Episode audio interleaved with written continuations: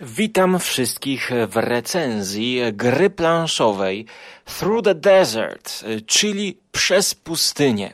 Gry wydanej pierwotnie w 1998 roku, zaprojektowanej przez niemieckiego matematyka Rainera Knizie czytanego też Knizia. Gra ta jest wydana również e, kilka lat później, wznowiona.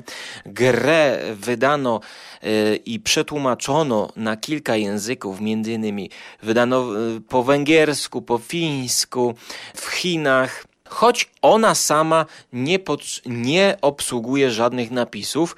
E, mówimy tutaj jedynie o tłumaczeniu instrukcji, e, pudełka, elementów wizualnych. Również w Polsce Galacta wydała tę grę. Za 90 zł można ją było kupić. E, teraz jest już ona wyprzedana no i możecie jej szukać jedynie na rynku wtórnym. Czy ona wygrała nagrodę Spiel des Jahres, niemiecką nagrodę, e, która mówi o tym, że gra jest dobra dla początkujących graczy, ale jednak na tyle złożona jest, że każdy, e, kto lubi grać i myśleć, może w nią zagrać. Nie wiem, czy ona dostała tę nagrodę, wątpię, ale chyba była nominowana. I jaka jest idea tej gry? Otóż plansza pokazuje nam pustynię podzieloną na heksy i każdy, jak pisze producent, y, kontroluje swoje plemiona. Jest to opisane bardzo kwiecistym językiem. Posłuchajcie. Pustynia jest tajemnicza, zdradziecka i nie zna litości.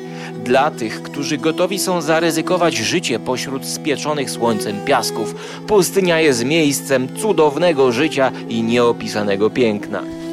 Czyli w jednym akapicie już wiemy, że pustynia jest zarówno i piękna, i niebezpieczna. ja, czy jaki to ma związek z klimatem? gry i z mechaniką, może dowiemy się dalej. E, gracze obejmują kontrolę nad plemionami nomadów, walczącymi o władzę nad rozległą pustynią i skrytymi pośród piasków oazami. Wysyłając karawany i zajmując cenne źródła wody, gracze starają się zwiększyć wpływy i terytorium własnego plemienia. No, brzmi to opis e, jakiejś jak opis jakiejś kampanii kojarzącej się z grą komputerową e, Age of Empires, gdzie wręcz możemy komunikować się ze sobą, negocjować różnego rodzaju ceny i za bardzo nie rozumiemy, po co to klimatyczne wprowadzenie do gier abstrakcyjnych jest. Bo tutaj mamy do czynienia z grą logiczną, abstrakcyjną, chociaż ubraną w miłe dla oka kolory i temat. No, zamiast poruszać e, pionkami, którymi, z którymi nijak nie możemy się utożsamiać, to tutaj postanowiono zrobić e, kolory i pionki w postaci wielbłądów jeźdźców, ich tutaj osiadających czy ojeżdżających. Nie wiem, jak to się mówi, nie jestem e, miłośnikiem jazdy konnej, nigdy nie jeździłem. Raz kopnął mnie koń, chyba zrzucił koń na wsi, jak byłem, i od tego momentu już nie wsiadam na żadne zwierzęta. I w każdej rundzie ustawia się na planszy dwa wielbłądy. I to jest tylko po prostu cała gra. I trzeba i tak ustawiać, żeby przyniosły jak najwięcej punktów. Więc tłumaczenie jest proste. Rozgrywka od dwóch do pięciu graczy e, może trwać do 45 minut, jak e, jest to na stronie producenta. Oczywiście, im mniej graczy, tym krócej. Ja grałem, uwaga, tylko w tę grę raz i na tej podstawie będę recenzował. Dodatkowo w pięcioosobowym składzie, co jest limitem granicznym. Zwykle producenci gier próbują rozszerzyć.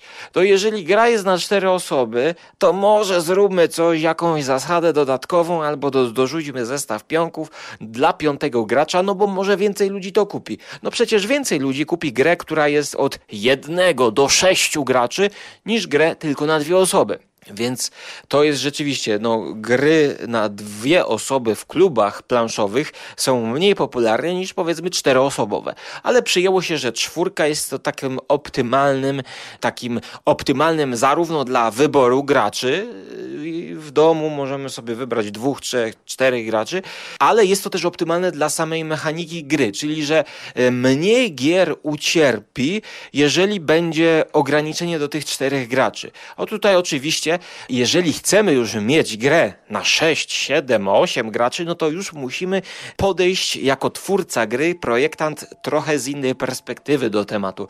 To już musi być gra stricte projektowana pod większą ilość osób. No i tutaj znowu rodzi się pytanie, czy wtedy, jeżeli taką grę, na przykład wysokie napięcie, świetnie chodzi na 6-7 osób, to wydamy jako grę również, że na dwie osoby działa, to czy na te dwie osoby będzie działać?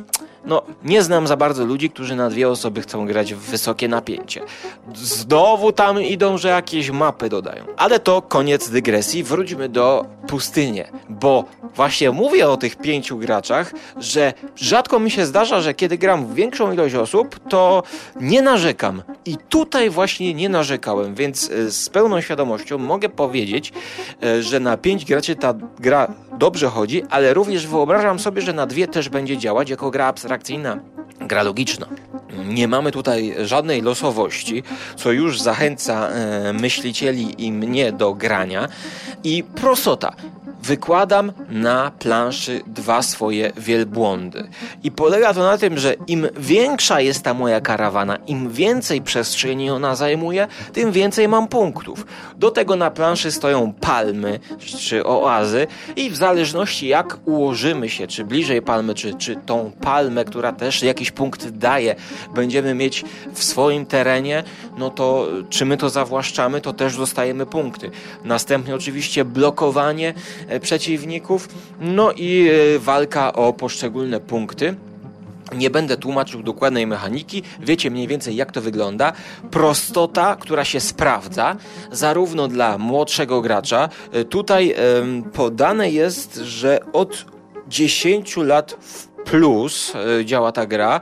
E, community 8 Plus, nie wiem co jest oznaczone jako community, być może w takich właśnie bardziej obeznanych e, już młodszych graczach to od 8 lat by poszło. Szybko wytłumaczymy zasady i zwróćcie też uwagę, że na BGG ciężar tej gry jest określony jako dosyć niski, czyli na 5 dostała 2,2 więc e, no, jest to gra lekka. Kiedy ja grałem, to właśnie czułem tę lekkość, ale nie miałem wrażenia, że jest to jakaś losówka. E, jedyne, co mi przeszkadzało, to właśnie ta. Yy, nawet nie czeka się długo na ruch, no bo przecież ruch polega na wyłożeniu dwóch pionków na planszę i koniec. I jak wyłożymy, to one stoją już do końca planszy.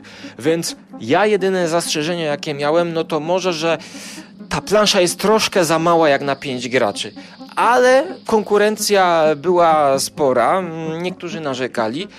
Ja po rozegranej partii, co rzadko się zdarza, miałem ochotę rozegrać jeszcze jedną partyjkę. Y, dlatego polecam wszystkim zapoznanie się z tą pozycją. Jest ona wydana dosyć ciekawie, choć minusem samego wydania jest kolor pionków. Jest on pastelowy i te kolorki, taki troszkę żółty, troszkę różowy, troszkę zielony, troszkę niebieski, one wszystkie do siebie są bardzo podobne i trzeba się do tego przyzwyczaić i mam nadzieję, że kiedy ta gra zostanie wznowiona jeszcze raz, bo jest to znana pozycja, jest to szanowana rzecz, to że naprawią to wydanie i będą wyraziste kolory. Jeżeli to się stanie, to możecie w ciemno brać tę grę na prezent dla kogoś, bo jest to dobry gateway game, czyli coś, co mo, co, czym można wprowadzić y, ludzi, którzy jeszcze nie mieli styczności z tego typu rozgrywką, którą ja uwielbiam i serdecznie polecam każdemu, każdemu. Oczywiście, mając na myśli każdego, trzeba jeszcze wiedzieć, jaką grę komu zaproponować, no ale to już wtedy, mam nadzieję, dzięki naszym audycjom będziecie wiedzieć wy. Tyle na dzisiaj ode mnie. Ja tej grze nie będę wystawał może oceny, E, powiem, że ocena na BGG jest to 7 na 10. Myślę, że jest to dosyć ocena sprawiedliwa. Uwaga, przy 11 tysiącach głosujących. Tak więc jest to dosyć miarodajne. Stara gra z 98, a sprawdza się również w roku 2017. Ja ją Wam gorąco polecam, tak jak również zapraszam na moje programy o jedzeniu na kanale YouTube Żarłok TV. Do zobaczenia w przyszłości albo do usłyszenia w eterze. Trzymajcie się ciepło. Cześć.